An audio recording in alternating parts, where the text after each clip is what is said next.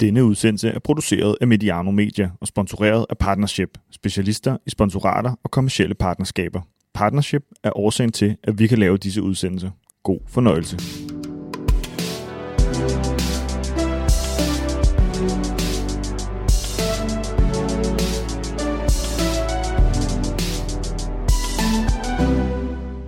Velkommen til Mediano Marketing, velkommen til Aarhus, velkommen til en udsendelse om AGF, om nye sponsorrekorder, om, og om det evigt berømmede potentiale, der nu begynder at have en dato på, som ikke er så fjern igen. Velkommen til Rasmus Nørgaard Hansen, salgsdirektør i AGF, og ham, der sidder med de store sponsor, sponsorkontrakter. Velkommen, Rasmus. Tak skal du have, Peter. Salgsdirektør siden sommeren 2020. Øh, hvordan har de to år været jeg tænker, der er noget timing med corona her. Ja, de to år har været øh, ekstremt spændende. Jeg tror faktisk, at jeg får første henvendelse i forhold til jobbet som salgsdirektør i AGF en uge efter corona bryder ud. Altså i marts 2020? Ja, ja, stort set marts eller april 2020. Øh, jeg siger selvfølgelig øh, ja efter en længere rekrutteringsproces. Øhm, og jeg starter selvfølgelig midt i, midt i corona og har stort set ikke prøvet andet. Øhm, så jeg kan ikke sige, hvordan det har været før det, men, øh, men jeg kan sige, at øh, tiden har i hvert fald været øh, spændende og sjov under corona og nu her efter os. Du kom fra ni år på Jyllandsposten. Det er sådan to verdener, der, øh, det jeg kender til, det har det med at trække i folk, der først en gang har været der. Savner du medieverdenen? Øh, nej, det gør jeg ikke. Øh, jeg havde en fantastisk tid på Jyllandsposten og var i, i ni år der. Øh, men det var også tid for mig på daværende tidspunkt at prøve noget nyt. Men der er ingen tvivl om, at, at Jyllandsposten var et godt sted at være. Kan du præsentere dig selv lidt? Altså, hvis jeg lige sætter et, et ord på, noget, noget af det, man først falder på, eller, eller kigger på, når man kigger på din profil, det er din alder. Du var, du var nærmest 30 år, da du startede i den her stilling. Du er 33 år i dag, ikke? Jo, jeg var 30 år, da jeg underskrev kontrakten som salgsdirektør. Jeg var lige nu at fylde 31, da jeg startede her i, øh, der i sommer i 2020. Som sagt, jeg er 33, jeg hedder Rasmus Nørgaard Hansen, øhm, har været i AGF siden 2020. Jeg bor i Aarhus, har to børn og, øh, og en kæreste. Og så er jeg ligesom de fleste andre, som også lytter til Mediano, øh, totalt bit af, bit af en fodbold, og har altid været det. Og det er AGF? Det er AGF, men som jeg også øh, sagde til Jakob i min, øh, i min rekruttering, det var, at han skal lige vide, jeg er jo fra Vejle af. Og når man er fra Vejle, så har man jo også et lille øh, forhold til, til Vejle Boldklub. Øhm, men igen, jeg har boet i Aarhus i, i en 11-12 år, og når man bor i Aarhus, så kan man ikke undgå at holde med AGF. Og så kærligheden er bare eksploderet, mens jeg har arbejdet her. Nu taler vi lige om rekrutteringsprocessen, mens, mens jeg satte udstyret op her, øh, og du hører første gang, om du bliver kontaktet af det her job, og du ved ikke, hvem virksomheden er. Nej. Hvad var din reaktion, da du fandt ud af, at det var AGF? Jamen, da jeg, da jeg får øh, beskrivelsen på jobbet og kan se, det er øh, salgsdirektør i AGF, der, øh, der må jeg indrømme, der, der galopperer hjertet. Øh, og jeg blevet kontaktet en del gange, men jeg må indrømme, at det var første gang, hvor jeg virkelig tænkte, den der, no matter what, så skal jeg lande det job der. og det håber jeg også, at det, det var meget tydeligt i, øh, i den rekrutteringsproces, der var, at det her, det var det, jeg vil, og jeg vil gøre alt for det. Øh, så så det, var, det var det rigtige for mig. Og lige en ting mere nu, når jeg sådan lige kiggede på det, altså når jeg skal tale med sådan en som dig, vi ikke har mødt hinanden før, så kigger jeg selvfølgelig lige på LinkedIn, jeg kigger andre steder. Det hæfter mig, at, at, at du er sådan en, øh, en, der dykker meget sport, har gennemført Ironman. Ja, det, det er efterhånden mange år siden. Det gjorde jeg i 2015, mener jeg, det var. Så ja, jeg, jeg elsker sport og kan, ikke, øh, kan slet ikke sidde stille. Det lyder godt.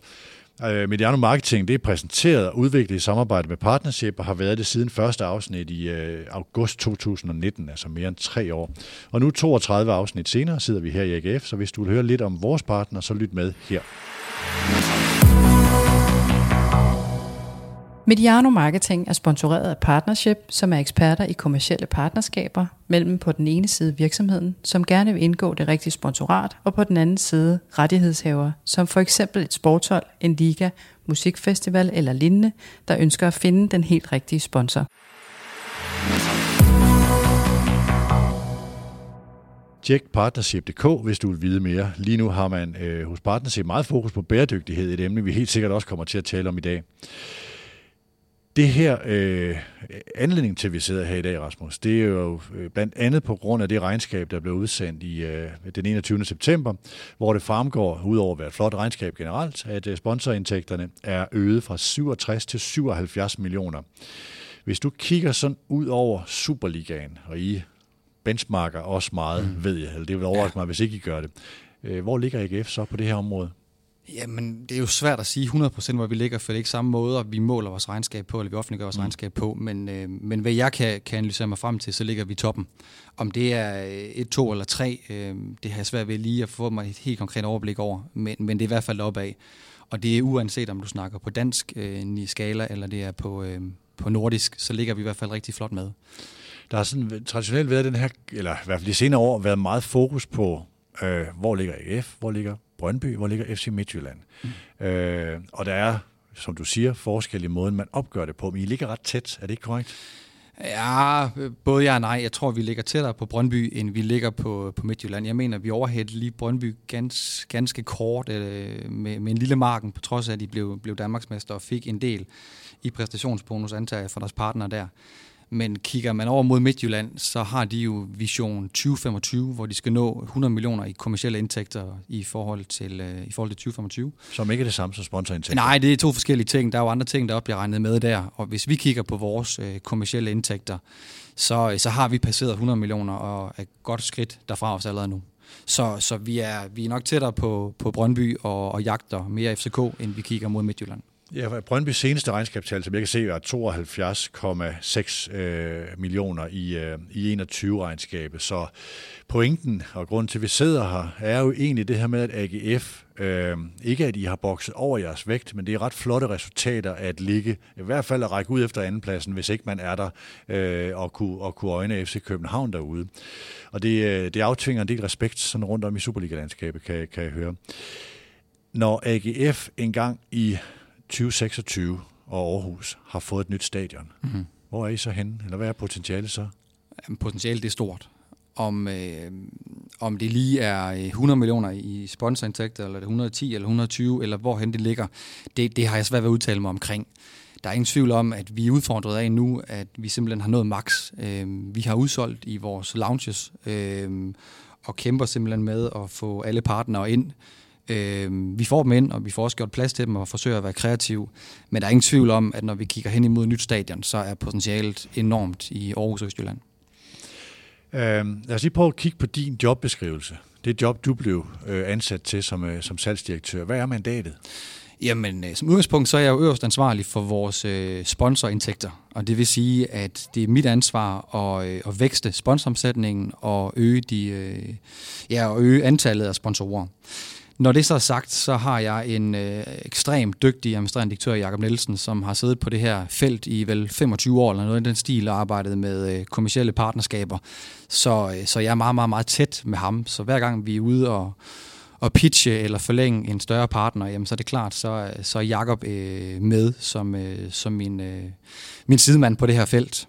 Er det, er det altid rart Ja, det synes jeg. Er det det? Ja, men øh, jeg kan sagtens sætte mig ind i, hvorfor man ikke kunne synes det. Men det er altid mig næsten, der kommer til Jakob og siger, nu skal vi afsted sammen. Jeg kan godt lide den der... Du kan øh, godt have med. Ja, men jeg kan godt lide pingpongen, vi har sammen. Jeg kan godt lide, at øh, den ene kan være øh, good cop, den anden kan være bad cop. Øh, når jeg sidder og tænker, så svarer Jakob noget og omvendt. Så den der synergi, der er i at være sammen på et møde, synes jeg er helt fantastisk. Ja, fordi det var sådan et, mit næste spørgsmål, og det... Øh nu kan det godt være, at Jacob hører med her, og du svarer diplomatisk og sådan noget, men, men der er jo altid et vis fokus på Jakobs ledelsesstil. Det sørger Aarhus Stifttiden også for, for at holde et vis fokus på. Øh, hvordan er jeres arbejdsfordeling i det daglige? Fordi Jakob er jo meget kommercielt. Jakob er ekstremt kommersiel, men man skal også huske på, hvorfor jeg blev ansat. Jeg blev ansat, fordi at øh, Jakob havde jo fungeret som salgsdirektør før, udover at han selvfølgelig er øh, administrerende direktør, men også fordi han bruger ekstremt mange ressourcer på det nye stadion, bruger mange ressourcer på det nye akademi, har brugt mange ressourcer op på, på sporten og på Fredensvang. Så det er klart, at Jakob er forsvundet lidt mere ud af den salgsafdeling i forhold til, hvad han var før jeg kom, eller i starten, da jeg kom. Øh, men, men jeg forsøger nogle gange lige at trække ham tilbage igen, for jeg kan godt lide, at han stadigvæk er der og har fingeren på pulsen. Eller det har han. Han ved alt, hvad der foregår, stort set alle små kroge i virksomheden. Øhm, når det så er sagt, så har jeg også et ekstremt dygtigt team. Det her det er jo ikke, øh, det er jo ikke mig, der har vækstet sponsoromsætningen i AGF. Jeg har forhåbentligvis været med til den. Men når man kigger på mit team, så er det jo bestående af flere sælgere. Der er en, øh, en netværkschef, som har været her i plus 20 år, i Ben Wagman, som i øvrigt har spillet mere end 400 kampe på første hold i AGF. Så har jeg en salg. Jeg, jeg var journalist, da han blev mester. ja, det er mange år siden efterhånden. Jeg har en, en salgschef, der har været her i, i plus 10 år. Øh, jeg har koordinatorer, som har været her i, i mere end 20 år. Og så har jeg en aktiveringsafdeling med, med en Thomas Skov i spidsen, som, som er fuldstændig enestående. Så det er jo ekstremt mange gode folk, jeg har omkring mig til at, at hjælpe med at, at løfte den her vækst og den her rejse, vi er på sammen. Øhm, er der sådan en, øh, et snit, hvor du siger, her giver det mening at have Jakob med? Altså, I har jeres koncernpartner, som er Sears, øh, som er Arbejdernes Landsbank, som er Bravida, som er Salling Group. Korrekt. Øhm, og så har I rigtig mange guldpartnere, som er det næste øverste lag, hvor der er en, en, en 45-50 stykker, ikke? Jo, vi har, vi har 46 guldpartnere, som, som ligger i laget lige under koncernpartnere, og det er klart, øh, der er Jacob med på, på rigtig mange, ikke alle, men han er med på mange af de her øh, møder. Øh, det kan også godt være, at det giver mening at have med ud på en, på en mindre øh, partner. Det er, ikke, øh, det er ikke så afgørende. Vi, vi forsøger at gøre det, der giver mening, uagtet hvad øh, sponsor, øh, spons, sponsoren forlanger eller forventer af mm. os. Så, øh, så der er ikke et, ene, et endegyldigt svar på, hvad vi gør, men vi gør det, der giver mening for os. Jeg har så bedt dig prøve at tage nogle cases med, som illustrerer måden, I arbejder på, måden, I gerne vil arbejde på. Hvis vi lige skal sådan øh, starte med, jeg har bedt dig sådan prøve at finde en præmiecase, øh, sådan, som du vil fremhæve. Øh, og det er jo sådan, for lytterne kan tage noget læring med ud fra det, og det er jo også der, hvor man lægger nogle af sine hemmeligheder frem, men jeg har indtryk af, at Superligaen er i et miljø lige nu, hvor man vidensdeler en del, så jeg tror ikke, det er så farligt, der sidder nogen, der stjæler dine idéer. Nej, det er ikke, det er ikke særlig farligt. Og øhm, den første case, jeg har taget med, er faktisk en øh, utrolig simpel case. Og når jeg siger simple case, så er det jo fordi, vi arbejder rigtig meget med, med digital og førstepartsdata og så videre. Men det her, det er et, et godt gammeldags øh, kampsponsorat. Øhm, og grunden til, at jeg synes, den er, er spændende at dele, det er fordi stort set alle Superliga-klubber, eller alle Superliga-klubber, alle første divisionsklubber, alle håndboldklubber, har jo det, vi kalder en kamppartner eller et kampsponsorat. Og øhm, til en af de her kampe, der, øh, det normale, det er måske, skal jeg lige skynde mig at sige, det er måske, at man lægger en flyer i loungen, og så stiller man nogle beats-flag op på banen, og så laver man et eller andet øh, Facebook-opslag om, se her, den her, øh, den her partner er partner på kampen. Vi øh, havde vores aktiveringsafdeling, som øh, satte sig ned sammen med Østjysk Vinforsyning, og prøvede at, øh, at være kreative. Og i stedet for at lave det, det klassiske med en flyer i loungen, jamen, så gik de simpelthen øh, all in. Så det de gjorde, det var, at til vores, øh, i vores to fineste lounge, hvor der sidder cirka 600 mennesker, der lavede de simpelthen en gave. Og det vil sige, øh, de gav en gaveæske med vin og med, øh, med slik, med, med godter, med, med rigtig mange lækre ting, som jo har været dyrt at producere, på hver eneste plads i loungen. Så til 600 mennesker fik de simpelthen en gaveæske. Så lagde de også en flyer, hvor det var fuldstændig uforpligtende, om man havde lyst til at skrive, om man kunne blive kontaktet af Østjysk Vinforsyning. Og det var der 39 procent, der sagde ja til. Og øh, da vi har møde med Thomas, som ejer Østjysk Vinforsyning 14 dage senere, så kan han fortælle, at de har solgt mere end 2.000 gaveæsker på de første 14 dage. De har mere end 3.000 i pipeline. Så allerede der er, øh, er kampsponsoratet tjent hjem. Men det, der så bliver interessant at kigge på, det er, at det her det var jo mod sponsorerne, mod partnerne. Men de laver også noget mod deres, øh, vores fans. Det er jo en høj grad en stor del af det at lave et kampsponsorat. Og mod BTB-segmentet, altså vores fans, der har de den kæde, der hedder Vinoble. Ja. Det, var en, øh, det var en sommerdag, det var godt vejr, så de lavede simpelthen rosé på Sears Park. Så mere end 4.000 mennesker var forbi og, og smage ved indgangene forskellige roséer, som man kunne øh, købe nede i den lokale Vinoble forretning. Og, øhm, og så kunne man få en voucher med, eller man kunne få en flyer med, og kom man så ned i den lokale Vinoble forretning indtil 14 dage efter kampen, og sagde, kom til vi, så fik man så en, øh, en rabat på sit, øh, sit kommende køb. Og det skulle ligesom meget illustrere, at det er en relativt simpel case, men en case, hvor en partner kigger ind i det her, kigger hårdt ind i, hvad er uin af det her, hvor meget får de tilbage på det her kampsponsorat i forhold til, hvad de har investeret både af tid og af kroner. Øh, og her sidder vi bare og kigger ind i en case, som, øh, som er meget, meget, meget simpel, men som er meget, meget effektiv. Det er ofte de bedste. Det er meget, meget konkret, og det er effektivt.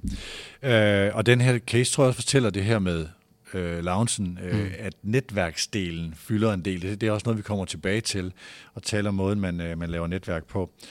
Øh, så hvis man øh, kigger på en, eller, øh, en case, der illustrerer hvordan I også arbejder ud over kampe. Det er jo noget, som jeg tror næsten alle klubber, jeg taler med, har det her fokus. Vi kan ikke kun leve af noget, der sker hver anden uge. Hvordan kan vi gøre det Øh, altså, så man er uafhængig af kampe, og det er derfor mange taler om øh, content, og hvordan kan vi arbejde med indhold og aktivere mm. øh, partnerskaber øh, ud over til kampene. Er der en case der, der, der, der er særlig velfungerende? Ja, men det er der. Der, der er flere. Øhm, men den case, som, som jeg gerne vil fortælle, er forhåbentligvis en case, som illustrerer, hvordan vi arbejder i vores aktiveringsafdeling. Vores aktiveringsafdeling, det er, øh, det er den, der er årsag, blandt andet årsag til, at vi har formået at, at vækste så flot, som vi har gjort igennem de senere år. Og hvis vi tager en specifik case, så kan vi tage vores øh, kaffeleverandør. Nu ved jeg, I har øh, Peter Larsen kaffe på, på Mediano. Vi har, øh, vi har BKI i AGF, og øh, vi havde en anden leverandør før, men vi laver en aftale med BKI, som er en lokal kaffevirksomhed i Aarhus. Den laver vi i januar 2021, og skal så starte øh, i, om sommeren 2021, fordi vi skulle respektere den aftale, vi havde i forvejen. Det, der er interessant med BKI, det er, at vi rækker ud til dem, der, øh, der siger vi til dem, jamen vi er simpelthen nødt til at tale med jer. I ligger to kilometer væk fra CS Park i fuglelinje, mm. og det vil sige, at når, når vindretningen står rigtigt, så kan vi dufte kaffen fra resteriet ude i Højbjerg på Sears Park. Så det vi gjorde, det var, at vi lavede en aftale i 2021, og øh, min aktiveringsafdeling holder så et møde med øh, BKI i øh, marts 2021, hvor de simpelthen laver et helt årsjul for, hvad skal der ske af aktiviteter igennem hele året, så vi sikrer os, at det ikke er en, en one-off, vi laver med en eller anden stor video og en flot præsentation, og så har vi fået ny kaffepartner, og så sker der ikke mere. Mm. Så det vi gjorde, det var, at det, øh, undskyld, det der var vigtigt for dem, det var, at vi skulle være nærværende, og vi skulle være lokale, og vi skulle være synlige. Det var sådan de der tre buzzwords, som BQI de havde, øh, havde mod os. Så i maj 2021, der laver vi simpelthen en video, øh, udarbejdet af vores AGF TV, som er til intern offentliggørelse hos BKI. Og grunden til, at den var til intern, det var fordi, det var vigtigt for BKI, at deres medarbejdere også greb den her aftale, så det ikke var noget, der bare lå i en aktiverings- eller en sponsorafdeling hos, øh, hos BKI. Et par uger senere, jamen, så laver vi den store offentliggørelse med video, med content, øh, på vores egne kanaler, øh, SoMe og så videre. Og en af de ting, som jeg synes, der var, der var genialt i den øh, præsentation, vi lavede af BKI, det var, da vi kommer frem i, i juni 2021. Så i stedet for bare at vælge en standardkaffe, som havde det været den nemmeste i hele verden, og sige, nu skal vi sælge den her kaffe mm.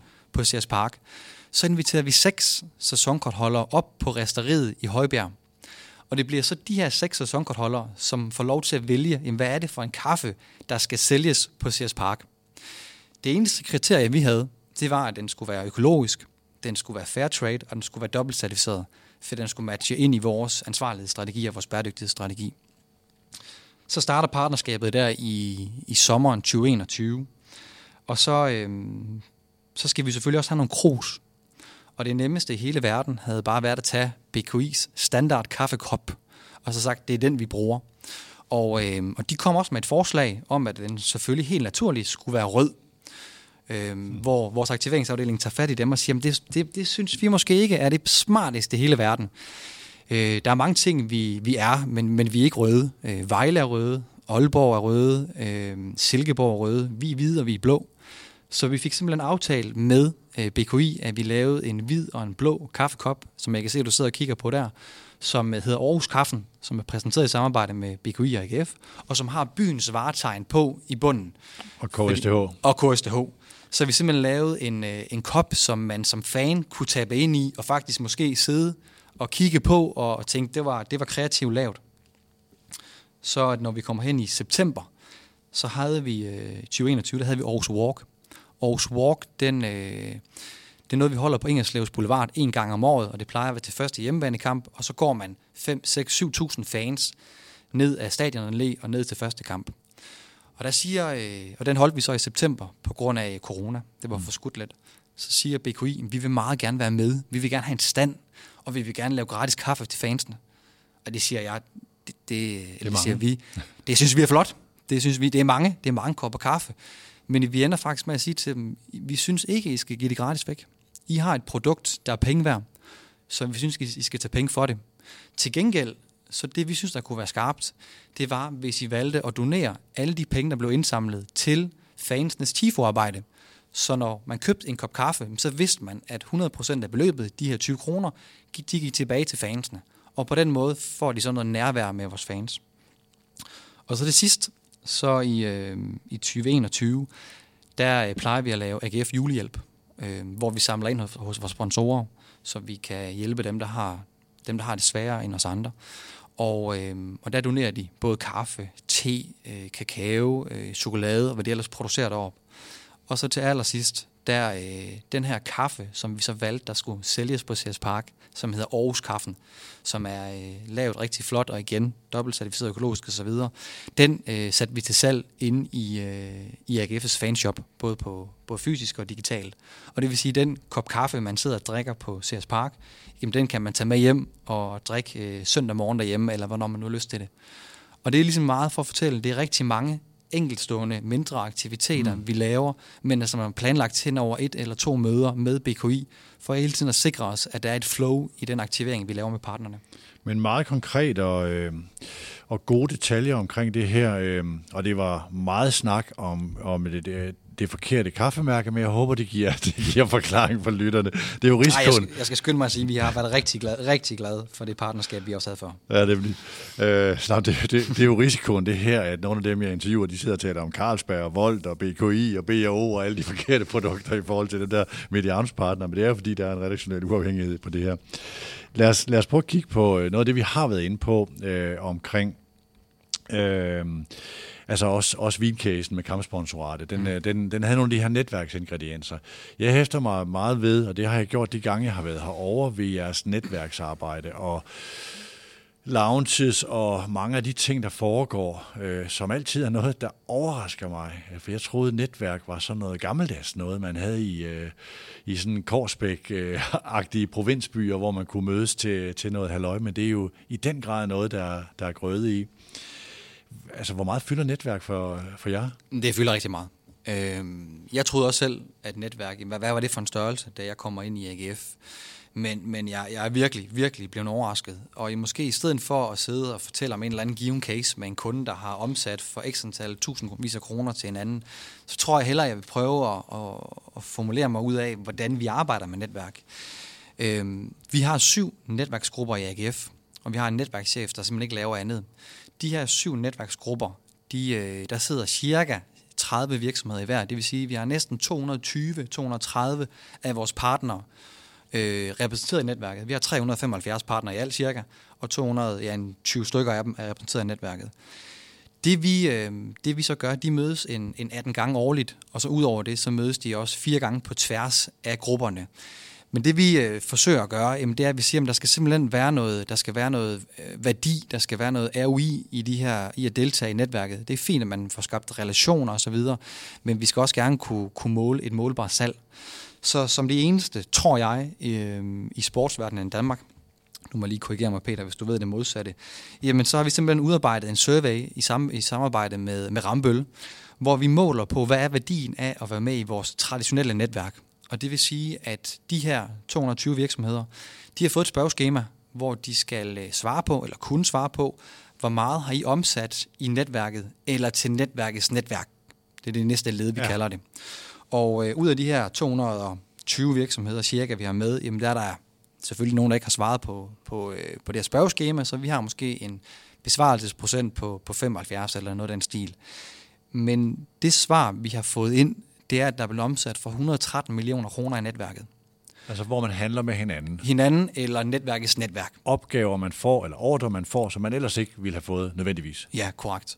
Og hvis vi bare dividerer det ud med 220 partnere cirka, jamen så giver det cirka en halv million kroner per virksomhed, som de har genereret af omsætning. Så er der selvfølgelig nogen, der ikke har genereret nogen, og der er nogen, der har genereret mere. Men det er ligesom meget for at fortælle, at det her det er en helt afgørende ingrediens i forhold til, at vi har formået at vækste vores sponsorportefølje, det er, at vi har partner i AGF, som overhovedet ikke går op i fodbold, men som kommer der, fordi det er det rigtige netværk, og det rigtige netværk i byen. Siger du, at Wagman han driver syv netværk, eller er det syv? Han, han driver syv netværksgrupper med 30 virksomheder i hver gruppe cirka. Og hvordan er den opdeling? Er det på sådan brancheområder, så man er sammen i et eller andet segment, øh, der har, der har en, så, altså, hvor virksomheden er lidt mere beslægtet med hinanden? Nej, det er faktisk det modsatte. Okay. Øhm, de, øh, vi ønsker ikke, at de skal være beslægtet, så vi ønsker faktisk, at der skal være brancheeksklusivitet i hver gruppe. Og det kan både være en fordel, og det kan være en ulempe. En af udlemperne, det er, at der er jo nogle, øh, nogle øh, brancher, som jeg ikke kan få ind i gruppen lige nu. Et tag eksempel øh, sådan noget som som øh, digital markedsføring, jamen der har vi simpelthen en digital markedsføringsvirksomhed, eller et mediebureau, eller et bureau, eller hvad vi skal kalde dem, reklamebureau, i hver af de her syv grupper. Så jeg har andre simpelthen, som står på ventelisten, som ikke kan komme ind nu. Og de vil gerne ind og lave kunder. Ja, Ja. Øh, og de vil også gerne ind og have relationer Ja, ja. Øhm, og udvikle sig personligt osv. Og, øhm, og vi har også valgt, at der skal man ikke være delt op i forhold til, om man er guldpartner, koncernpartner eller netværkspartner. Så det er simpelthen en, en blanding, der er der. Så alle er lige. Alle er lige, når vi snakker vores øh, AGF Aarhus-netværket. Hvor, hvor meget er det her knyttet op på kampe? Fordi jeg ved jo sådan nogle netværksgrupper, det er også et spørgsmål om, netop for at få folk til at komme, hvordan skaber man en relevans, hvis man holder et, et erhvervsnetværk en tirsdag morgen kl. 7 og spiser morgenmad sammen? Jamen, vi har faktisk øh, valgt at ikke nødvendigvis at knytte det sammen. Så vi har mange, som er med i vores erhvervsnetværk, som ikke kommer til vores kampe, som simpelthen ikke er fans, eller ikke interesserer okay. Sig for fodbold. Øhm, så når jeg taler netværk, så taler jeg altid netværk ud fra det formelle netværk og det uformelle. Og når jeg siger det formelle, jamen, så er det det netværk, som Bent driver, hvor vi har de her syv grupper med 30 virksomheder i hver, som mødes på faste tidspunkter og med faste øh, agendaer. Og så har vi det uformelle netværk, som er det, der sker til kampene. Og øh, eksempelvis i vores Blue Water Lounge, som er for vores største partner, øh, guld- og koncernpartner, jamen der er vi flere, som kommer der, fordi de ved, det er det rigtige sted i byen at komme, hvis de gerne vil netværke med erhvervsledere. Så det er også en af de årsager til, at vi har lavet en, en relativt stor ændring sidste år. Sidste år der valgte vi simpelthen at sætte executive niveau på vores Blue Water Lounge. Og det betyder, at hvis man ikke er en beslutningstager i, i den her virksomhed, jamen, og så kan man ikke komme ind i Blue Water Lounge. Fordi når man er i Blue Water Lounge, jamen, så ønsker man at snakke med andre. Det kan være øh, salgsdirektører, direktører, øh, direktionen, øh, bestyrelsen eller andet. Ja. Og de må meget, meget, meget gerne komme, men hvis, tænk et eksempel, at det er en virksomhed, som, har, som ikke kan komme, øh, men så man så giver det til nogle, til nogle lærermedarbejdere eller, eller andet, øh, så må de meget gerne komme, så flytter vi bare op i en anden lounge. Så det er en slags VL-gruppe for fodbold. Ja, det kan du godt, det kan du godt kalde det. Ja, ja. Øh, men vi kan se, at der bliver gjort ekstremt meget øh, netværk i den her, den her lounge. Nu lad os lige prøve at tage jeres guldpartnerniveau. Du siger, der er 46. Ja. Øh, hvor mange af dem er øh, ikke synlige på stadion og på trøjet, eller, eller på tøjet? Jamen, jeg vil gætte på, at, at vi måske har en, en, fem, en fem stykker, som overhovedet ikke er synlige hverken på, øh, på LED'en eller på, øh, eller på, på stadion i helhed, øh, men simpelthen kommer, fordi det er det rigtige netværk at komme i. Jamen, altså, som, altså det er det, jeg leder efter, som primært er der på grund af netværket, Ja. og som betaler hver især, jeg gætter på, fra en halv million og op efter. Ja. Ja. Det er jo, øh, det er jo også en stor... Øh, øh, der, skal, der skal mange ordre hjem, øh, Jamen, men- for, for at det her øh, fungerer. Ja, det skal der, men vi kan også bare, hvis vi kigger ind i, hvad er det for nogle partnere, vi har, så noget af det, vi har været dygtige til, jamen det er at få de rigtige virksomheder med, med som partner i AGF. Udover vores øh, fire koncernpartnere, Arbejds Landsbank, Selling Group, øh, Bravida og Seas, så har vi også fået en virksomhed som eksempelvis øh, Lars Larsen Group med, øh, Systematic med, altså nogle, nogle dominerende virksomheder i Østjylland. Og det vil sige lige pludselig, så er det de rigtige mennesker, der begynder at komme øh, til kampene, og, og det vil man gerne være en del af. Så det er det her, altså der er nærmest nogle døråbningsaftaler, altså, altså hvor, hvor det at få Selling Group, var der en vis bevågenhed på. Ja. Det er også noget, jeg hæftede mig ved at sige, mm. hmm, det der er lidt et scoop af AGF, at de får Selling Group ind, for den åbner også andre døre. Selling Group er et kæmpe skub af AGF. Øh, Det er et samarbejde, vi er ekstremt glade for. Øh, Ligeledes er det også samarbejde, Selling Group er glad for. Men det er klart, det har åbnet døre, og den har blandt andet været med til at åbne for, for Lars Larsen Group, som jo også er hele Jysk-koncernen, som igen har været med til at åbne døre. Så, så det er klart, at vi sidder og kigger ind i, sådan, ud fra mit perspektiv, rent strategisk, hvad er det for nogle virksomheder, vi skal bearbejde? Hvad er det for nogle virksomheder, der er vigtige have med øh, som, som, som partner i AGF?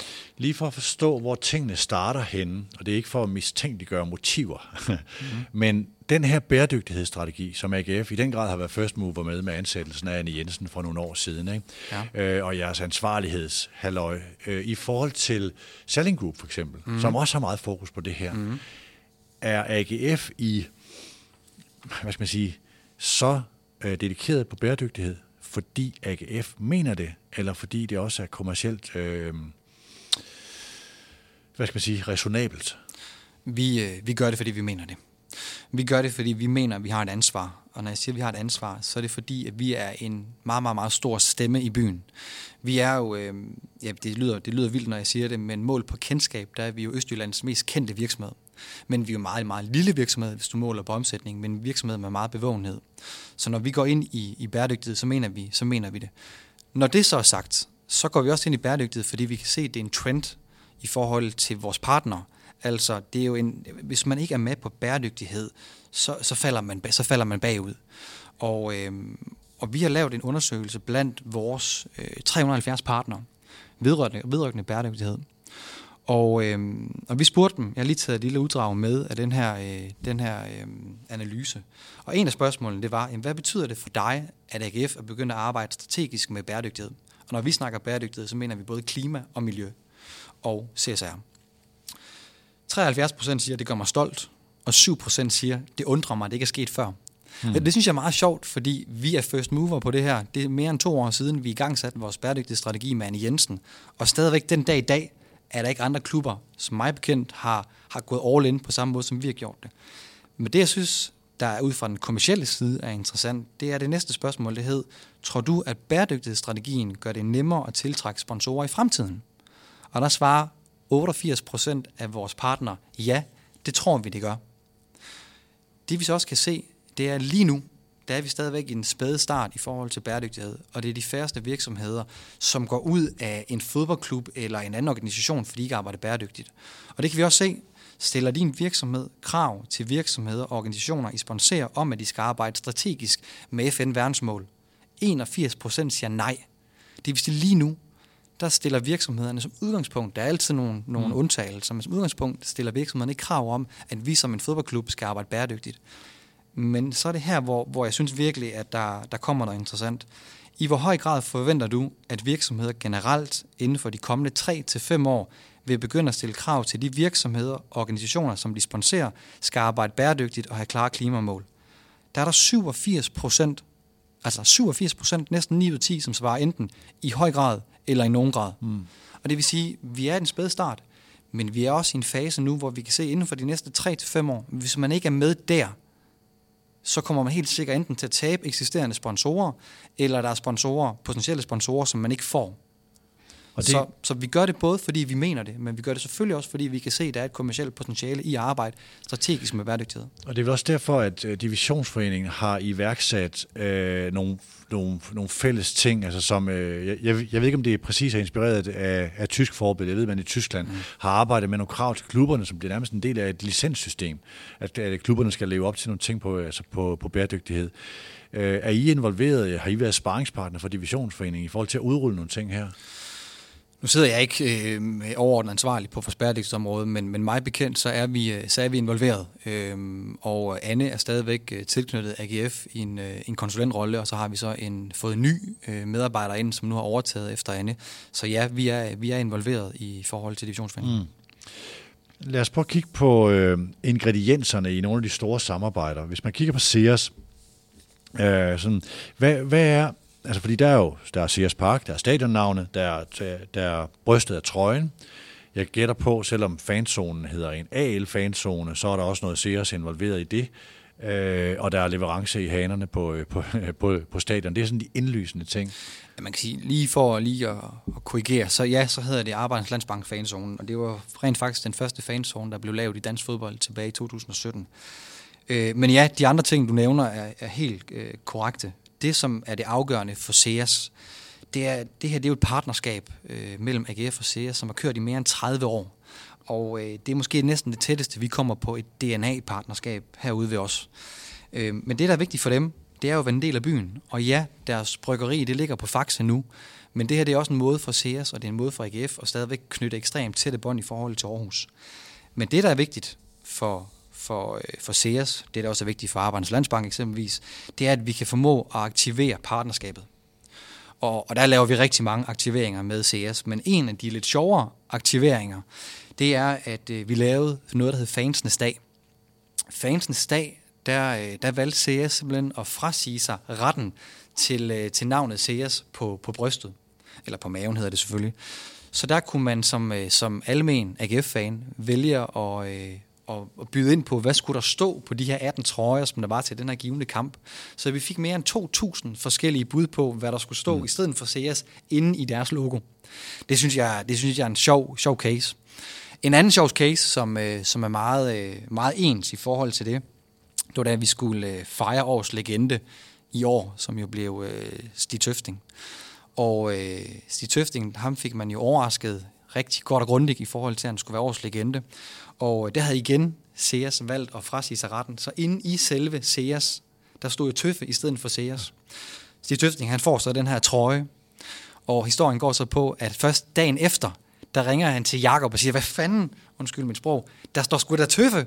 Altså, Han har ikke opdaget han har slet ikke opdaget det, fordi at Sears brandet, det er så stærkt Ja, ja. med deres røde og deres hvide farve, så han har slet ikke opdaget, at du stod tøf ind i det før dagen efter. Så det, altså det, det, igen, det fortæller noget i forhold til den aktivering, vi kan finde på at lave med dem. Men derudover, så er der jo selvfølgelig masser af aktivering, både i forhold til digital og i forhold til eksempelvis noget som økobar. Sears lige i dag har jo ikke en økologisk Sears. De har eksempelvis en økologisk Royal. Øhm, men vi har simpelthen valgt at sige, at vi skal kunne servere økologisk øl på Sears Park. Så vi har valgt at lave en økobar i samarbejde med Sears, hvor vi netop serverer forskellige typer af økologisk øl. Så der er mange forskellige ingredienser i samarbejdet der. Hvordan, øh, jeg går ud fra, at I også har kigget lidt på nogle af de meget langvarige samarbejder. Altså for eksempel FCK Carlsberg var også et meget langvarigt samarbejde. Øh, når du siger 30 år, så kommer jeg til at tænke på, jamen altså Carlsberg var også lang tid på Liverpool, og især lang tid på, øh, på, øh, på, på brystet af FC København. Hvordan sikrer I, at I vedbliver at være relevante Det er et godt spørgsmål. i, i sådan et Den, samarbejde? den måde, vi skal sikre det på, det er, at vi skal jo sikre, at vi stadigvæk formår at give øh, Seas en, øh, en stærk markedsposition i Aarhus. Det er jo hele konceptet bag samarbejdet. Det er, CS, Seas de er, øh, det er byens øl. Vi er byens hold. Så på den måde, så skal vi lave aktiviteter. Vi skal lave fans, øh, vi skal lave fans øh, aktiviteter, som er interessante for Seas. Og det er uagtet, om vi laver studiernes tribunefest, hvor der eksempelvis kommer en 3-4.000 studerende her til kampen mod FCK, eller om vi finder på at lave noget andet. Men vi skal være relevante, og den dag vi stopper med at være relevante, jamen så står vi også værre. Og det er også derfor, at vi vælger at engagere os så meget ind i øh, hele den her aktivering af partnerskaberne, og har lavet en stor aktiveringsafdeling. Det er fordi, det, vi kan se, at kunderne de efterspørger at blive aktiveret. Hvor mange, altså sådan en virksomhed, som uden du skal, øh, jeg går ikke ud for, at du må sige alle ting, øh, hvad virksomhederne måler deres, øh, deres investeringer på, øh, men sådan en virksomhed som Sears, hvad, hvad handler det om? Hvornår er det en succes for dem? Er det er det, er det det traditionelle kendskab, som jo meget ligger i synligheden på brystet, eller er det nogle andre ting, de også måler på? Jamen, der er flere ting. Øh, Sears skal være, skal være relevante for byen. Den dag, de ikke er relevante for byen mere, så står de sværere. De sidder jo selvfølgelig også og måler på, øh, på markedsandel, altså hvor stor en markedsandel har Sears i Aarhus og Østjylland. Mm. De sidder også og måler på kendskab. Øh, så der er jo mange ingredienser ind i det her samarbejde, som de sidder og måler på. Øh, men, men det vigtigste, når alt kommer til alt, det er jo, hvad er det for en markedsandel, som Sears kan få i at samarbejde med AGF? Og hvad er det for en storytelling, som vi sammen kan fortælle oceanerne og østjyderne? Hvem er så egentlig jeres konkurrenter, hvis man taler om at være sådan, at der er mange virksomheder, hvor du, hvor du nævner det lokale, øh, den her forankring. Er det så Aarhus Festu og Northside øh, og sådan nogle ting, som er, som er jeres konkurrenter i forhold til at være de mest relevante for virksomhederne her i området? Sådan ser jeg det ikke. Nej. Øhm, vi samarbejder med flere af dem, du har nævnt der. Øhm, vi har jo blandt andet også det, vi plejer at kalde øh, festugekampen. Så, så jeg ser ikke dem som konkurrenter. Det vil i højere grad være andre sportsbrand. Vi er bare i Aarhus øh, privilegeret af i AGF, at der ikke er andre klubber i, i byen, som står så skarpt, som vi gør. Og når jeg siger det på den måde, så er det ikke for på nogen måde at tale ned om de andre sportsklubber, der er i Aarhus. Men tager man eksempelvis til, til Aalborg, så er de ekstremt dygtige til at spille håndbold. Øh, og fået Mikkel Hansen hjem, som jo selvfølgelig trækker nogle sponsorater. De er Danmarksmester i ishockey. Øh, mig bekendt, de er også gode til at spille fodbold, og den, den har vi bare ikke på samme måde i, øh, i Aarhus. Så, øh, så når vi sidder og kigger ind i sponsorater, og hvad er det for nogle konkurrenter, vi har, jamen så sidder jeg ikke og kigger på, på andre klubber, så sidder jeg i højere grad, eller det gør jeg nogle gange, men så sidder jeg i højere grad og kigger på, hvad andre medier, altså øh, mit gamle, mit gamle øh, mediehus, øh, JP Politikens hus, øh, dem vil jeg da gerne øh, tage nogle annoncer fra og putte over i øh, sport marketing, og det samme gælder også øh, tv, og det gælder mm. også øh, Google, øh, Facebook osv., så, videre. så det er jo mere de der typer af, af medier, som, som jeg ser som vores fremtidige konkurrenter. Så lad os prøve at kigge på, hvordan I opruster kommercielt. Altså hvis nu Jakob kom øh, nu her i eftermiddag og siger, Rasmus, det ser sgu meget godt ud med budgetterne. Øh, du får en stilling, du kan placere den lige, hvor du vil. Ja, Først og fremmest, så vil Jacob ikke komme til mig. det, det vil han ikke. Det vil også Øh, overraske men nu det, leger det, vi bare. Ja, den måde, Jacob han vil gøre det på, det er, at jeg vil komme til Jacob øh, og indstille, at jeg kan se, at nu mangler vi en mand eksempelvis, eller mand eller kvinde, i vores aktiveringsafdeling, eller en eventuel sælger. Øh, hvis vi skal gå helt konkret til værks, jamen, øh, så har vi investeret voldsomt i, øh, i mandskab igennem de sidste, lad os bare sige 5-6 måneder. Vi har ansat en, øh, en marketingsdirektør i, øh, i Asger Munkholm, som sidder og kigger meget på, på hele fandelen, arbejder meget BTC, men støtter også mig i forhold til BTB-delen og arbejder rigtig meget ind i data. Han kommer fra en stilling som marketingsdirektør i, i Wideaway og er ekstremt dygtig til hele datastrukturen. Ja, hvidevare, Ja. ja. som er meget, meget øh, online-orienteret. Så, øh, så sent som den her måned, så ansatte vi en øh, marketing manager, og lige nu søger vi en content specialist. Så der er virkelig et, øh, et flow i forhold, til, øh, i forhold til, hvad er det, vi søger af medarbejdere. Men det er klart, der hvor vi har brug for en stilling, hvis jeg skulle vælge en lige nu, vil være inde i min aktiveringsafdeling. Okay. Lad os lige prøve at høre lidt om det der marketing. Altså, hvad, hvad markedsfører AGF? Hvad er mandatet til Asker? Øh, er det at markedsføre sig over for fans, så man kan øge sit tilskuersnit? Er det at øh, gøre sig mere kommercielt attraktiv? Er det at gøre sig mere Aarhus knyttet tættere til Aarhus, som også er en, er en, sådan, en øh, vedvarende bestræbelse for AGF?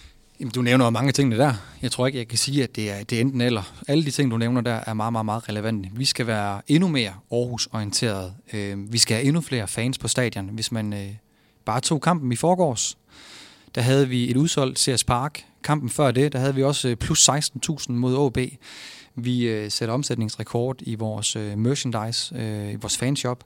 Så, øh, så det er klart, at Asger sidder og kigger ind i rigtig mange forskellige grupper, men hvor jeg kigger ind i hele sponsorsegmentet, så kigger Asger ind i selve øh, billetsalg, i forhold til data, i forhold til merchandise og alle de her forskellige, hele vores kommunikationsstrategi. Så han har hele BTC-fanhatten på, og jeg har hele sponsorhatten på. Så vi Har han op. kommunikation under sig? Ja, det har han. Okay. Øhm, jeg vil lige prøve at gøre den her med bæredygtighed færdig. Øh, der er et spørgsmål i forhold til, øh, vi, vi havde en udsendelse i sidste uge, Superliga for Voksne Sponsorspecial, hvor Peter Forlund, Ronny Hansen, øh, tidligere kommersiel direktør i DBU, og øh, Henrik Tønder fra Vejle øh, var inde og talte vi om det her med betting mm. øh, som, øh, som et emne. Øh, og Tønder, han siger, "Jamen, det- du kommer ikke til at se den første klub, der frasiger sig betting. Fordi der er alt det her med tv-aftalen, der er så mange penge i tv-aftalen, og ingredienserne i tv's indtægter kommer så meget fra betting på skærmen omkring kampe. Altså det her, vi alle sammen kan se, når vi ser fodbold. Betting fylder enormt meget. Kunne man med AGF's ansvarlighedsstrategi forestille sig, at AGF blev den første klub, der siger, vi vil ikke have betting? Nej, det tror jeg ikke. Nej. Og, øh, Hvorfor når jeg ikke? siger det, når jeg Vil det siger ikke hænge sammen? Øh, det kunne det måske godt. Men når jeg siger det på den måde, så er det fordi, at jeg synes, vi skal passe på, at vi ikke gør det hele for sort-hvidt. Og når jeg siger det på den måde, så skal vi selvfølgelig lige sige med det samme. Altså, ludomani er selvfølgelig øh, fuldstændig øh, forfærdeligt. Men, men det var vigtigt for os, at vores bettingpartner eksempelvis var danske spil. Danske spil er, er ejet af staten, hvor mange af de andre de er ejet af ejerforhold på, på Malta, Kypern, Gibraltar osv. Så, videre. så det vi samarbejder med danske spil omkring, det er hele deres og vores ansvarlighedsstrategi. Så en af de ting, der er vigtigt for mig i samarbejdet med danske spil, som er vores bettingpartner, det er det, vi kalder fløjt til fløjt. Og, øh, og det betyder helt konkret, at 5 til 10 minutter før kampstart og 5 til 10 minutter efter kampstart, der markedsfører vi ikke live betting. Og hvorfor markedsfører vi så ikke live betting? Jamen det gør vi ikke, fordi hvis du sidder og dykker ned i Ludomaniforeningens rapport for 2021, så viser det sig, at 54 procent over halvdelen af alle dem, der kommer i behandling for øh, ludomani, deres foretrukne spil er live betting. Så det holder vi os langt væk fra.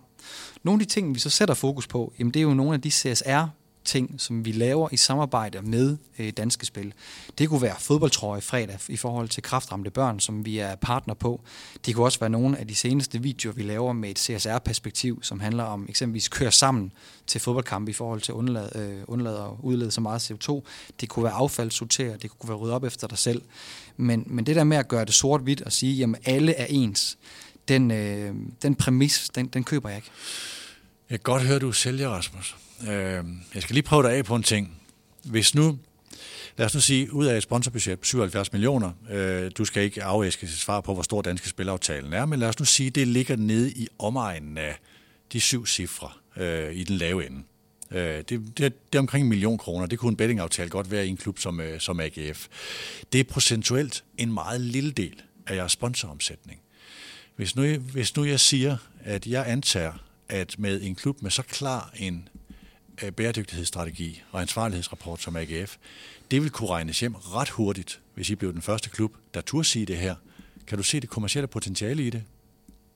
Hvis vi tænker rent kynisk, budgetmæssigt. Det nej, faktisk godt nej, blive. nej, det, det tror jeg ikke, jeg kan. Kan kan jeg godt, jo, jeg kan måske godt på sigt, men jeg kan ikke for nuværende. Nej. Og når jeg siger, at jeg ikke kan det for nuværende, så er det ikke fordi- mere attraktive, hvis I gjorde det? Jo, muligvis. Øhm, jeg håber stadigvæk, at vores partnere øh, og dem, der følger os, kigger ind i danske spil og kigger ind i deres ansvarlige strategi og ser, at det er ikke det er ikke det samme, som når man kigger ud i, ind i de udlandske. Men når jeg siger det, og siger det så klart alligevel, så er det fordi, jeg kigger ind i vores bæredygtighedsstrategi, så kan vi se, at det betyder ekstremt meget for vores partnere. Men man skal bare lige huske på, jeg har ikke en eneste partner, ny partner, der ringer til mig og sagt, at jeg skal ind i AGF alene af den årsag, at I er den eneste, der arbejder med bæredygtighed. Jeg har nogen, som, som indikerer, at det, at det er rigtig godt, og vi har rigtig mange, som, som anerkender det arbejde, vi laver med bæredygtighed. Men der er ikke kommet en partner, som sagt, at jeg skal kun være i AGF, kun fordi jeg arbejder med bæredygtighed. Når det så er sagt, hvis jeg skulle frasige mig betting, så, kunne jeg, så skulle jeg også frasige mig tv-aftalen. Hvad, hvad skal vi så gøre?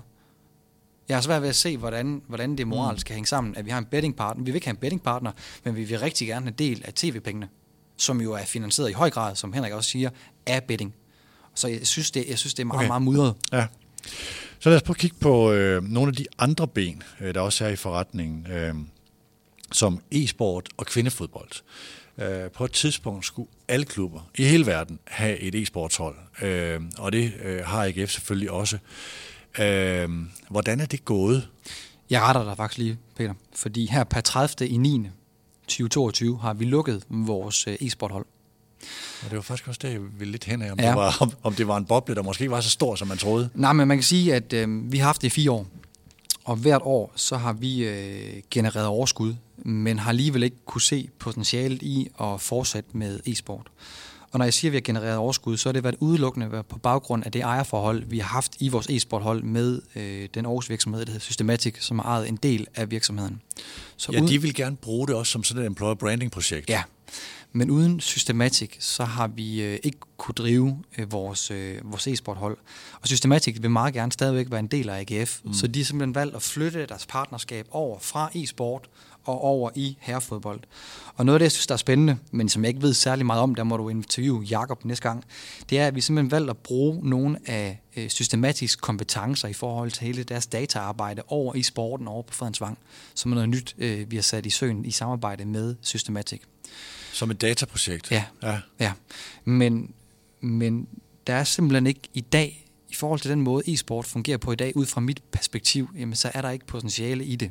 Og det er simpelthen fordi, at den måde, det bliver drevet på i dag, jamen, der er det jo spillerne, der får størstedelen af indtægten, og så får klubben en meget, meget, meget lille andel. Det vil sige, at er vendt rundt i forhold til, hvordan man kender det fra traditionelle sportsklubber, håndbold og fodbold osv. Så, så indtil man laver en ordentlig struktur på det, så tror jeg ikke selv på det. Når det så er sagt, så er det også vigtigt for os at kigge ind i, hvad er vores kernekompetence? Vores kernekompetence er fodbold. Og det vil sige herrefodbold og kvindefodbold. Mm. Jeg har siddet med det kommercielle ansvar for e-sport, men jeg er ikke en e-sportmand. Så er der skulle være en anden en, der skulle drive det. Men jeg har selvfølgelig forsøgt at tage fat i de partnere. Vi har jo mange partnere i dag, som vi jo bare, nu siger jeg gåsetegn, bare kunne flytte over på e-sport. Men det har bare ikke været så simpelt. For hvad er det for en platform, de køber ind i? Om en ting er, at fodboldklubber har man kompetencer til at drive e-sport, men måske var hypen også større, end den kunne bære rent kommercielt. Det tror jeg i den grad, den har været. Ikke også? Jo, jo, helt sikkert. Ja. Og, jeg, og hvis du kigger regnskaberne igennem for de e-sportshold, der er og har været, så er der jo mig bekendt ikke en eneste af dem, der tjener penge. Jeg kan sige for Belianos vedkommende, vi har også været der. Jeg vil sige, det var der saftsus med mange penge i det der. Øhm, lad os lige prøve at kigge på kvindefodbold, øh, hvor, øh, hvor stort ser du, og lige også lave den her sammenligning med e-sport. Mm. Altså, fordi det er sådan noget, øh, vi vil gerne noget, som virker fuldstændig logisk. Og kvindefodbold virker vel mere logisk øh, for, for AGF nu, og vel også noget, der er mere potentiale i end e-sporten. Der er meget mere potentiale i kvindefodbold.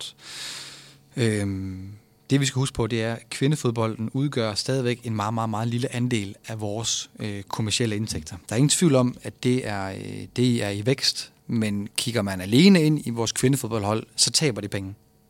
Og det vil sige, at det er ikke økonomisk rentabelt endnu, og det vil sige, at det bliver dækket af herrefodboldholdet, altså AGF AS. Men det er klart, kigger vi, kigger vi hen imod Bravos, eller kigger vi tilbage til vores seneste kamp, som vi spillede på hjemmebane på CS Park, jamen der slog vi igen tilskuerrekord med mere end 1400 tilskuere til en kvindekamp. Og, øh, og kigger vi så ud i verden og kigger på, hvad er det for nogle bevægelser, der er i gang, jamen, så vil man jo kunne se, at EM-slutrunden for kvinder, den eksploderede jo i forhold til øh, mediebevågenhed, i forhold til tilskuere. Tager vi også til, øh, til Barcelona, jamen, så er de faktisk flere udsolgte kampe med, med kvindeforholdet ja, dernede. Og jeg har lige set, der har været et North London derby mellem Tottenham og Arsenal. Ej, det var Arsenal på hjemmebane, mener jeg, men med 47.000 tilskuere. Så der er ingen tvivl om, at det går langsomt, men det går den rigtige vej, kvindefodbold. Ja. Og det, der er vigtigt for os, det er jo igen det der med, hvorfor er det så, vi har kvindefodboldhold?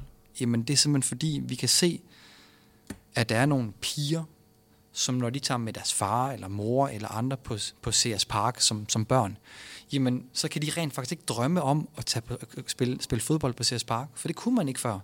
Så der har vi simpelthen valgt, at fire eller fem gange om året, jamen der skal vores kvindehold simpelthen have mulighed for at spille ind på CS Park, så de kan få den her drøm opfyldt om at spille på CS Park. Hmm. Lad os lige prøve til sidst her i den sidste blok og kigge lidt på øh, stadion, nyt stadion og det potentiale, der kommer der. Øhm, og det er stort, det, det, det tror jeg ikke, der er et stort tvivl om. Men inden da, lad os lige prøve at kigge på den mellemliggende periode. Nu er der en masse uafklarede ting med fra slutningen af, hvad bliver det, eller fra, fra 25 og i 26 er, øh, I, kan, I kan bo på stadion her, mens der bliver revet noget ned undervejs mm. i en sæson eller to. Og så kommer der en periode, hvor man slet ikke kan være her, hvor det bliver frigjort til ombygning her, og så skal AGF genhuse til sted ja. i Aarhus Kommune. Ja. Du kan ikke sige så meget om det. Øh, Øh, nej, det, det kan jeg ikke, men, men jeg kan jo godt øh, fortælle lidt om de tanker, vi har lige nu. Øh, det, som jeg ud fra en kommersiel perspektiv sidder og kigger ind i, det er, at nu har vi nået en, en sponsoromsætning på, øh, på 77 millioner. Jeg mener, tilbage i 18-19, der havde den 55, så det har været en eksklusiv stigning, vi har kigget ind i. Og der sidder jeg der lige nu og kigger ind i, i tre år, som bliver ekstremt spændende, men også både bliver udfordrende og svære. Halvandet år, der skal vi spille på CS Park, men hvor vi river vores sponsorfaciliteter ned, og det vil sige, at helt objektivt set, jamen, så skal vi jo afvikle VIP uden at have en VIP-lounge. Så der skal vi jo være kreative og finde ud af, skal vi så lave det i telte med, med trægulv og med, med varmeblæser, eller skal vi lave det inde i, inde i foyeren, inde i CS Arena, eller hvad kan vi finde på at gøre der? Så der har vi virkelig brug for, at de partnere, som var ekstrem støttende og opbakkende øh, i forhold til corona, også igen øh, støtter os i forhold til den periode, vi ser ind i der. Og ja, så ser vi så efterfølgende, efter halvandet år, ind i en periode, hvor vi slet ikke kan spille her. Og i de her halvandet år, der, der siger vi, at vi vil spille i Aarhus Kommune. Vi vil ikke til Silkeborg, eller Randers, eller Horsens, eller andre steder. Og det vil vi ikke, fordi vi er en Aarhus... Eller Herning. Eller er slet ikke Herning. Smil på læben. Nej, der er endnu længere derud. Men vi er en Aarhus virksomhed. Øhm, og vi vil rigtig gerne være en del af byen. Vi lever af byens virksomheder. Vi lever af byens borgere og derfor skal vi også give noget tilbage til dem. Så vi vil ikke bede dem om at køre til, til Horsens eller andre steder. Og jeg vil også være bange for, hvad det har konsekvenser for både vores tilskuergennemsnit, som er opadgående, og også på vores sponsoromsætning, hvad det vil betyde, hvis jeg skulle bede mine sponsorer om at køre til Randers eller, eller Silkeborg eller et andet sted øh, 16-18 gange om året. Så kommercielt set, så er det her, jeg ser for mig en hængebro altså mellem nutiden og fremtiden. Der bliver det ikke nødvendigvis en højbro, øh, viser jeg sådan noget, der stiger undervejs. Det bliver en hængebro, altså, øh, altså i, i, i de budgetter, I skal lægge, ja, det og det, I kan forvente. Det tror jeg, det tror jeg rigtig set. Øh, nu har vi nået 77 millioner, og kan vi det er i hvert fald det, jeg siger til, til min formand, øh, Lars Foné, og også til Jakob, at kan vi fastholde 77 millioner til, når vi træder ind på nyt stadion, så vil jeg være øh, ekstremt stolt af det. Og jeg kan huske, nu lytter jeg jo en del til Mediano, og jeg kan faktisk huske, at Jakob sagde til dig for efterhånden nogle år siden, at vi skulle nå 80 millioner, når vi rammer et nyt stadion. Nu står vi næsten fire år før og har nået 80 millioner. Så kan vi fastholde de her 80 millioner cirka, og så komme ind på et nyt stadion med virkelig med, med entusiasme og, og med de muligheder, der ligger der, så er der ingen tvivl om, at det potentiale, de nye stadion giver os, det er, det er voldsomt. Både på, på BTB-siden, altså sponsorsiden, men især også på vores tilskuerside. Men de skal vel ud og både investere en del og også skaffe midler, også til det midlertidige, fordi det er jo, det er jo altså, nogle sæsoner er forholdsvis lang tid i den her verden. Ja, vi skal jo estimeret set spille halvandet år et andet sted. Ja. Så det er klart, der vil jo selvfølgelig ligge en investering der. Hvordan investeringen skal falde, og hvem der skal komme med den, den, den har jeg ikke indsigt i. Så der skal bygges nogle eksklusive container lounges. Øh, jeg så Fredensvang, altså da det var under ombygning, der levede man jo i container ja. og omklædningsrum og faciliteter, som faktisk virkede, når man var inde i dem, virkede det faktisk meget fint. Ja, men det vi skal huske på, det er, hvis det bliver Tilst, som vi skal spille i, mm. så skal vi også lige huske på, at der har øh, DBU jo også hovedkontor i forhold til deres Jyllandafdeling. Og det kunne jo være, at der ligger nogle faciliteter, som vi kunne bruge der, uden jeg ved det. Kigger vi på infrastrukturen derude, så har jeg jo også flere af mine større partnere, som, som ligger i omkring Tilst, hvor det kunne være, at vi muligvis måske kunne bruge nogle af deres parkeringsfaciliteter. Så jeg ser helt klart, at der er nogle, der er nogle muligheder i forhold til, i forhold til det. Men, men det vigtigste af alt, det er, at jeg tror, vi alle sammen, både os i AGF, vores fans, vores partnere, skal indstille sig på, at det bliver tre øh, udfordrende år, inden det bliver rigtig godt. Men det tror jeg også godt, man kan forholde sig til. Hvis man bare kender en tidshorisont, og kan se, at forhåbentligvis til, i starten af det nye år kan vi præsentere det nye stadion, hvordan det skal se ud og så videre. Allerede der tror jeg, der giver noget medvind. Men, men, men jeg tror bare, det er vigtigt, at man siger, vi ved godt, det ikke bliver skide godt de næste tre år, men at vi så ser ind i forhåbentligvis Nordeuropas suverænt bedste stadion, både hvad gælder øh, den almene tilskueroplevelse og hvad, hvad gælder sponsoroplevelsen. Når man laver de der, altså jeres store sponsoraftaler, de er ofte flereårige eller mangeårige. Ja. Øh, og så vil der nogle gange ligge en stigning, fordi øh, priserne stiger, og interessen, øh, man forventer også, det går godt. Er der en, er I ved at bygge en model for at sige, at her skal vi i de kommende år, når vi laver aftaler, der rækker ind i den her periode, lave sådan en, noget, der flader ud, eller måske endda går lidt ned, fordi man får mindre for pengene? Nej, jeg Nej. tror til gengæld, at vi skal være dygtige til at udnytte de kompetencer, som vi så har. Jeg tror, vi skal være dygtige til at finde ud af, jamen hvis vi ikke kan give den optimale hospitality-oplevelse, som er den, du jo så refererer til på kampdag, hvordan kan vi så netop give dem øh, mere, når det ikke er kampdag? Hvordan kan vi give dem bedre aktivering? Hvordan kan vi sørge for, at vi giver bedre netværk? Hvordan, altså, hvordan, hvordan tager vi og, og Så det er alt det, der ikke omfavner? Ja, hvordan om, omfavner vi de andre ting? Ja. Øhm, så jeg ser stadigvæk ind i, at vi kan levere masser af værdi til vores partner. Det bliver måske bare på nogle andre præmisser. Det bliver måske ikke med, med kundepleje eller medarbejderpleje i fokus i de her år. Men det kan så være nogle andre ting. Og det er jo igen det, som vi skal kigge ind i. Når jeg sidder og analyserer på, hvorfor er vi blevet en succes, så sidder jeg også og kigger ind i og siger, det der er afgørende for os, det er, at vi er dygtige til at identificere, hvad er det vigtigste for vores partner og, og potentielle partnere, når vi taler med dem. Er det, at de skal have leads? Er det salg? Er det kendskab? Er det medarbejderpleje? Er det kundepleje? Er det netværk? Er det relationer? Hvad er det for et mm. område, vi skal være dygtige til? Og det vil så bare være nogle andre ting, vi skal være gode til i den her treårige periode. Hvem inspirerer jer på det her? Jeg kan høre noget af det, det er også den her øh, hele content-tænkning, eller vi er et mediehus, som jeg tror øh, FC København og AGF er dem herhjemme, der har talt mest om det her. Hvem inspirerer jer derude, eller hvem lærer I af på de her områder? Øh, der er mange, vi lærer af. Altså, vi kan sidde og kigge rundt til, til andre Superliga-klubber. Vi kan også kigge rundt til, øh, til, til resten af Europa. Øh, vi kan også kigge på brancher, som slet ikke er fodbold. Øh, men jeg synes lige, det er vigtigt at tage den der med mediehus, og lige at komme forbi den, fordi det er jo noget, der bliver snakket rigtig meget om. Og der er ingen tvivl om, at FCK har været de, de førende til at tale mediehus. Og, øh, og der er min holdning altså bare, at vi er ikke et mediehus. Vi er en fodboldklub. Men jeg forstår udmærket godt, jeg kommer fra et mediehus, og jeg har været mm. ni år på Jyllandsposten, så om nogen, så forstår jeg godt, hvad tanken med mediehuset er. Og det er jo det her med, at, at vi skal arbejde med førstepartsdata, i stedet for eksempelvis tredjepartsdata, som bliver mindre og mindre værdifuldt. Vi skal være dygtige til at opsamle dataen på vores, øh, på vores, øh, vores øh, hvad hedder det, fans, på vores partnere osv., og vi skal være dygtige til at berige den her data. Men, men vores buzzword i AGF i 2022, og grunden til, at vi vækstede, er ikke mediehus og data. Det er til gengæld aktivering af vores største partner. Når det så er sagt, så er der jo en årsag til, at vi har ansat Asger som marketingsdirektør, som har speciale blandt andet i data. Det er fordi, vi kan jo godt se, at vi er, nødt, vi nødt til at være dygtigere til data. Vi er på en rejse nu i forhold til at, at vækste den kompetence, vi har inden for data, og vi har flere og flere partnere lige nu, som jo også sidder og efterspørger det. Jeg ved, at der tit bliver snakket om eksempelvis Audi, øh, som vi jo også har et, et, et partnerskab med, mm. som jo også arbejder meget ind i data. Og det er også flere af de her virksomheder. Vi har også et stort samarbejde med eksempelvis Lendo, som er en banksammenligningsportal, som også er vigtig for dem. Øh, så, så vi bliver nødt til at arbejde mere strategisk med data, og det gør vi også. Men det her det er en rejse, som vi er først lige startet med, som kommer til at tage flere år, inden vi er i mål med. Jeg kan huske en dag, vi skulle øh, øh, vi stod herovre ved, øh, ved Sears Arena, øh, kom med en Audi e-tron og skulle have David Nielsen ud og køre i den i det format, der hedder Audi Talks. Så stod din forgænger Jesper Elkær, Søren Højlund Carlsen, kommunikationschef i AGF, og sendte David og Jakob Aargaard, der sad i bilen, godt afsted. Jeg var sådan med for at lave noget udstyr og tage nogle billeder og noget. Ikke? Og så var der en af Jakob eller, øh, eller, eller Søren, der siger til hinanden, det der kunne vi da også godt have lavet. Mm. Fordi Audi var sådan en, en fælles partner.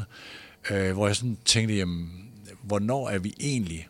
Øh, hvornår er det egentlig godt, at AGF bliver eksponeret i et traditionelt medie, nu skal øh, Mediano ikke være traditionelt, men altså et, et, øh, et uafhængigt medie, og hvornår gør man det selv?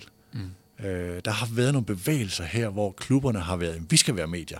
Ja. Øh, forstår du sondringen her? Ja, det, det forstår jeg udmærket. Og øh, vi fokuserer mere og mere på os selv. Og når jeg, når jeg siger det på den måde, så er det fordi, at kigger vi ind i nogle analyser, som viser, hvad er det, der trækker tilskuerne til øh, Sears Park. Er det øh, klassiske øh, avisannoncer? Er det bannerannoncer? Øh, eller er det indstik? Øh, øh, er det busreklamer, outdoor? Eller er det de kanaler, som vi selv har? Så er der ingen tvivl om, i vores analyse, så kan vi se, at det er vores egne platforme, uagtet om det er nyhedsbreve, det er Instagram, det er Facebook, det er hjemmeside, eller hvad det måtte være, så er det det, som trækker fansene på CS Park. Vi får ikke, altså, vi vil rigtig gerne eksponeres i de traditionelle medier, men det er bare ikke blevet vores primære målgruppe. Vores primære målgruppe er vores egne kanaler, og jeg tror, det er den bevægelse, der har været mm. i gang hen over de senere år. Så har jeg to spørgsmål tilbage. Et om de sportslige resultater, hvad de betyder, og et om byen, byen ja. Aarhus. Hvor meget betyder de sportslige resultater for dit arbejde? Nu, nu kan lytterne ikke se, at jeg sidder og smiler lidt, og grunden til, at jeg gør det, det er fordi, at jeg blev ansat på baggrund af en tredje og en fjerde plads, og jeg sagde til Jakob med sådan lidt kægt, øhm, de betyder ikke særlig meget, fordi vi skal jo levere værdi til vores partner, uagtet om vi bliver nummer 3, 6 eller 10, som vi blev i seneste sæson. Og, øh, og jeg må indrømme, at for de store de større partner, der betyder det meget lidt. Selvfølgelig vil de gerne have, at vi bliver nummer 1, 2 og 3, mm. så får de også mere eksponering og alt muligt andet. Øhm, men, men de er i AGF af nogle strategiske overvejelser. Hvorimod at for de mindre partner, der betyder det selvfølgelig mere. Og når jeg siger, at det betyder mere, så er det fordi, der sidder rigtig mange af de mindre partner, som også er hjertesponsorer og fans. Så, øhm, så hvis jeg kunne vælge, ja, så vil jeg hellere have vores tredje plads tilbage, end, end den tiende plads, vi havde sidste år. Men vi må bare ikke vi må bare ikke være afhængige af at kunne levere værdi til vores partner, fordi at vi bliver nummer 3 versus 10. Nej. Lad os prøve, prøve at kigge på byen til sidst. Øhm, det her med, så er der, så er der Helmi-koncert herinde. Var der 30.000 tilskuere til den? Ja, jeg tror, der var... Øh, ej, du må ikke hænge op på det, men jeg mener, der var 36.000. Ja, og der er også nogle arrangementer booket i, den, i det kommende halve år i, mere i uh, arenaen, ikke? Jo. Der er lige blevet bygget, bygget nogle nye Helmi-koncerter, ja, faktisk. Ja. ja, det var det, så. Og det er jo sådan en... Der er jo sådan en, en, en, en øh, både samlet for Aarhus, øh, jeg ved ikke om altså, I, mm. I kalder det noget bestemt, men der er sådan en, der er nogle ting, der binder øh, jer sammen med Aarhus, mm. øh, og som jeg kan høre, I fokuserer på det. Er det noget, I også styrker? Og sige, hvordan kan vi gøre det her? Hvordan kan vi knytte os endnu tættere på Aarhus? Jamen, det er det. det, er det. Øhm, vi er et øh, produkt af byen og øh, byen er en del af os. Så alt, hvad vi laver, der skal vi have Aarhus i tankerne. Og øh, vi lever af byens virksomheder, vi lever af sponsorerne, vi lever af byens borgere, så det er vigtigt, at vi giver tilbage til dem. Og et tænkt eksempel, det var jo netop, at vi laver øh, Aarhus Walk øh, på Ingerslavs Boulevard, som vi forsøger at gøre til en folkefest. Så uagtet om man er øh, fan eller ej, så vil vi jo gerne have, folk komme op og deltage i det. Og det vil sige, der har vi også hyret kunstnere og alt muligt andet ind. Øh, kirken var jo en del af det, og energi en, en, en, en akt. Så, så vi forsøger hele tiden at, at komme tættere på byen, fordi vi må ikke være den der, øh, der står ude på sidelinjen og siger, at vi vil gerne have det hele af byen, men vi vil ikke give noget tilbage. Ja. Så vi har en strategi om, at vi skal tættere på byen, og vi arbejder også strategisk med at komme tættere og tættere på byen. Og det er jo noget, vores ja, både marketingsdirektør og kommunikationschef virkelig har, har fokus på, hvordan bliver vi, vi en del af byen. Hvordan det er måske mere spørgsmål til Jakob og nogle af de folk, han arbejder med i forhold til de store øh, finansieringer af det. Hvordan bevarer man det der forhold, når man også sidder og bokser med dem og siger, at vi skal have, vi skal have et eller andet stadion, så vi ikke skal genhuses i Silkeborg eller et eller andet sted. Så lidt lægger man jo arm med kommunen. Øh, hvordan bevarer man den der relation til, til, øh, til det, man også gerne vil være en del af, når man også har nogle armlægninger indimellem? Jeg tror, du siger det selv til at starte med. Du skulle næsten spørge Jakob om det. Øhm, men, men der er ingen tvivl om, at alt, hvad vi gør øhm, i forhold til det nye stadion, forsøger vi at gøre i, i vores bedste mening, og også hvad vi tror kommer til at give mm. bedst mening i forhold til at give noget tilbage til, øh, til vores fans. For der er ingen tvivl om, at noget af det, vi sidder og kigger ekstremt meget ind i, vedrørende det nye stadion, det er jo, hvordan kan vi lave en ekstrem intim oplevelse, der gør, at man har lyst til at komme på stadion. Vi sidder også og kigger ind i en tilskuerbevægelse lige nu, hvor vi kan se, at vi er gået fra at have 10.000 i, i gennemsnit sidste år, til at vi ligger på plus 13.000 lige nu. Øh, som er I over 13 nu? Jeg tror, I er over 12. Nej, vi ligger på 13.300 nu efter, wow. efter weekendens ja. øh, plus 18.000, som jo er tilskuerrekord øh, lige nu. Og der sidder vi hele tiden og kigger ind i det nye stadion. Hvordan kan vi give bedre rammer tilbage? Og hvis man tager et eksempel, så kan man jo bare kigge på vores toiletforhold. Der kommer flere og flere kvinder, der kommer flere og flere børn på, på stadion, familier. Men de øh, faciliteter, vi kan stå for i dag, det, det er jo nogle kummerlige faciliteter. Hvis man går på toiletter og er kvinde, så kan man ikke få vasket hænder i varmt vand. Altså det, det er bare ikke super optimalt. Så vi forsøger jo hele tiden at hmm. optimere på, hvordan kan vi lave det bedst mulige stadion, som er det bedst mulige produkt ud mod vores øh, både partner og fans. Vi har rundet en time og fem. Jeg har fået svar på alle mine spørgsmål, Rasmus. Er der noget, du har... Øh, øh, det der skal jeg huske at fortælle med de andres lyttere, som du gerne vil have med? Ja, men jeg tror virkelig, vi er forbi mange ting, uagtet om vi har snakket betting, kvindefodbold, e-sport, eller, mm. eller bare det generelle. Så, øh, så nej, jeg har ikke øh, mere over på mine noter. Det har været en fornøjelse, og det har været dejligt konkret. Det skal du have stor ros for at øh, fortælle om det her og dele ud af AGF's hemmeligheder. Og tillykke med resultaterne endnu en gang, og tak, tak til Rasmus Nørgaard Hansen. Tak. Tak til dig, der lytter med, og tak til Partnership Partner og medstifter af Mediano Marketing tilbage i 2019. Vi er Mediano Marketing, og vi høres ved. Udsendelsen, du lige har hørt, var produceret af Mediano Media og sponsoreret af Partnership, specialister i sponsorater og kommersielle partnerskaber. Partnership er årsagen til, at vi kan lave disse udsendelser. Tak fordi du lyttede med.